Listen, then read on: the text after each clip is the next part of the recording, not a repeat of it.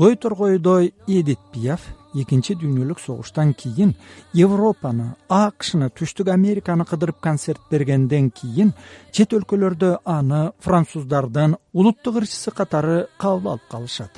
Эдит пиафты бир миң тогуз жүз элүү тогузунчу жылы нью йорктогу концертте конференция улуу эдит пиаф деп тааныштырат атактуу ырчы милорд деген ырдын текстин англис тилинде айтып берип анан бул ырды французча аткарат ошондо.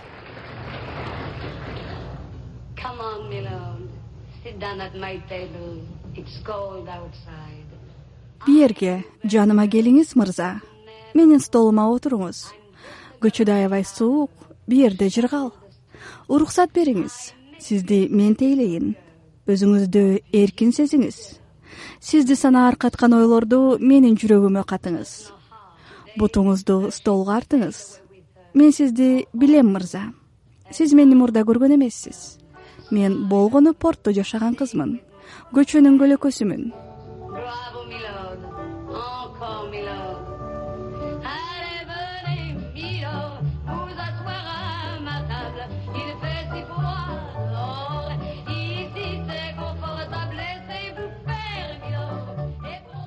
Миллорд кыргызча мырза деген. Милордду алгач эдит пиаф бир миң тогуз жүз элүү тогузунчу жылы ырдап ошо боюнча өлгөнчө репертуарынан түшүрбөйт бул ыр порттуу шаардагы ресторандардын бирине баш баккан британиялык сымбаттуу мырзага тирилиги көчөдө өткөн бийкечтин кайрылуусу. Эдит пиаф ырдаган көпчүлүк ырлардын тексти ушул ырдай жөнөкөй. Бирок түрдүү курактагы ар кыл мансаптагы адамдарды жашоонун утурумдук көйгөйүн бир силкинип унутуп бет маңдайыңда отурган сулуу менен бийлеп көңүл ачып шатыра шатман болууга чакырат.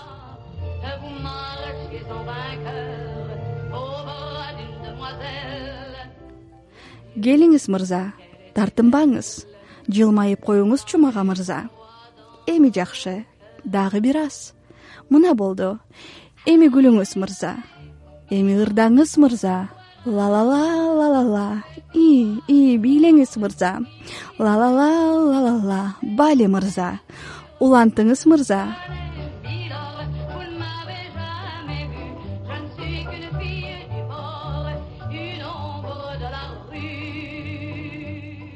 Эдит пиафтын өз аты эдит джованна гассон аны көчөдөгү жолбун турмуштан уккан адамды арбаган сыйкырдуу үнү сууруп чыгарган. Нотаны билбей музыка дүйнөсүн багынткан. Ырды орфографиялык каталар менен жазган. Бирок уккан ыр кулагынан кирип көкүрөгүндө коргошундай уюган эдит пиафтын музыка ааламындагы өлбөс сапары бир миң тогуз жүз отуз бешинчи жылы башталат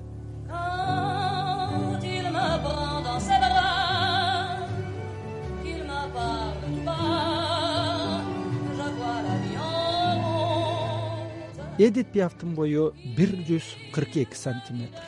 Ал эми салмагы кайсы бир замандашы жазгандай чемпион короздукундай гана болгон. Эдит пиаф ырдаганда залда олтургандар анын бою кыска экенин сахнада көкүрөгүн кайкалатып турган келбетин киркиреген үнүн унутуп ырдын ыргагына түшүп көчүлүп уктагандай музыканын жыргалына батышкан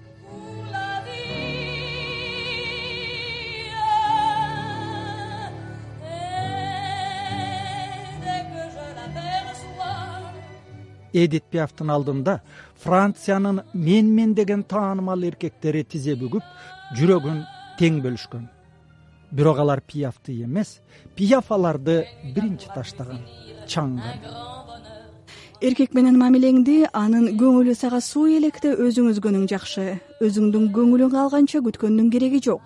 Себеби махабат суутуп жечү тамак эмес. Дейт эдит пиаф автобиографиялык китебинде сиздер улуу француз ырчысы эдит пиафтын акыркы сүйүүсү деген берүүнү угуп жатасыздар.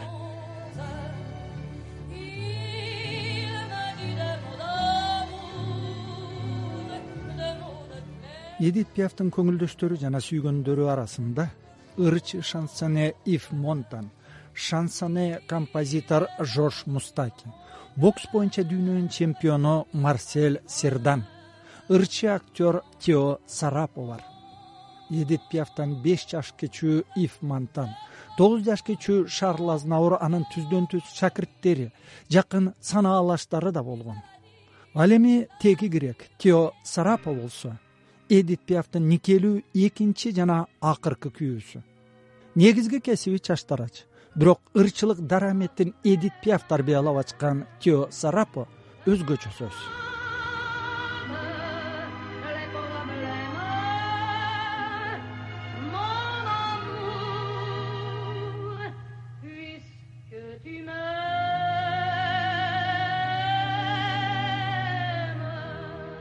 сарапо грекче мен сени сүйөм дегенди билдирет. Мынтип аны эдит пиаф өзү атаган. Алар үйлөнгөндө уяң оозунан оңой сөз чыкпас тео сарапо жыйырма алты жашта болсо батыш дүйнөсүнө ысмы таанымал эдит пиаф кырк алты жашта болчу. Салмагы кырк килодон аз жана оорукчан эле ошондо эдит пиаф баласындай тиего никелешпей эле жашай берсек болбойбу эмнеге нике куруп жашообуз керек деп сураганда мунун эмнеси туура эмес. Сүйгөн аялымдын мага ойнош болбой нике куруп жашаганын каалайм. Мен сен үчүн кудай алдында жоопкер болгонду каалайм.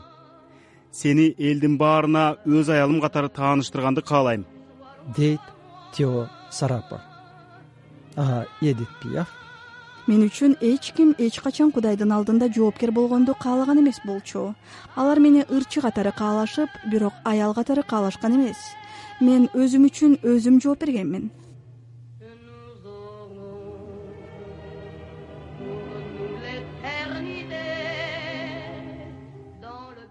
жыйырма алты жаштагы тео сарапо жана кырк алты жаштагы эдит пиаф нике кыйып баш кошкондо улуу ырчы да өзү мойнуна алгандай жашоонун акыркы тамчысы гана калган эле.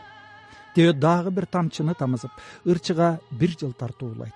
Бирок жаңы бөйрөк жаңы организм бере албайт.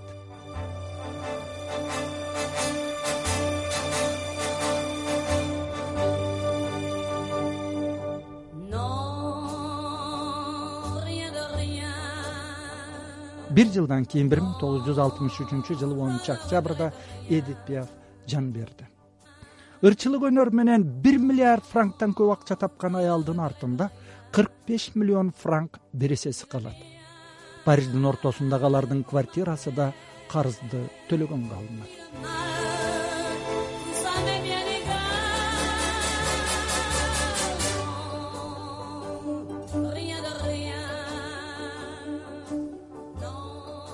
тео сарап аткарган ырдабай калган үй жана биздин күнүбүз да келет деген ырлар хит болуп таланты өрлөп күйөрмандары көбөйөт фильмдерге тартылат жети жылда тео сарапо зайыбынан калган карызды толук төлөп мойнундагы аманаттан кутулат бирок эдит пиафка төлгөчү лөлө аял айткандай болуп бир миң тогуз жүз жетимишинчи жылы август айында тео сарапо автокырсыкта өлөт жана эдит пиафтын жанына көмүлөт.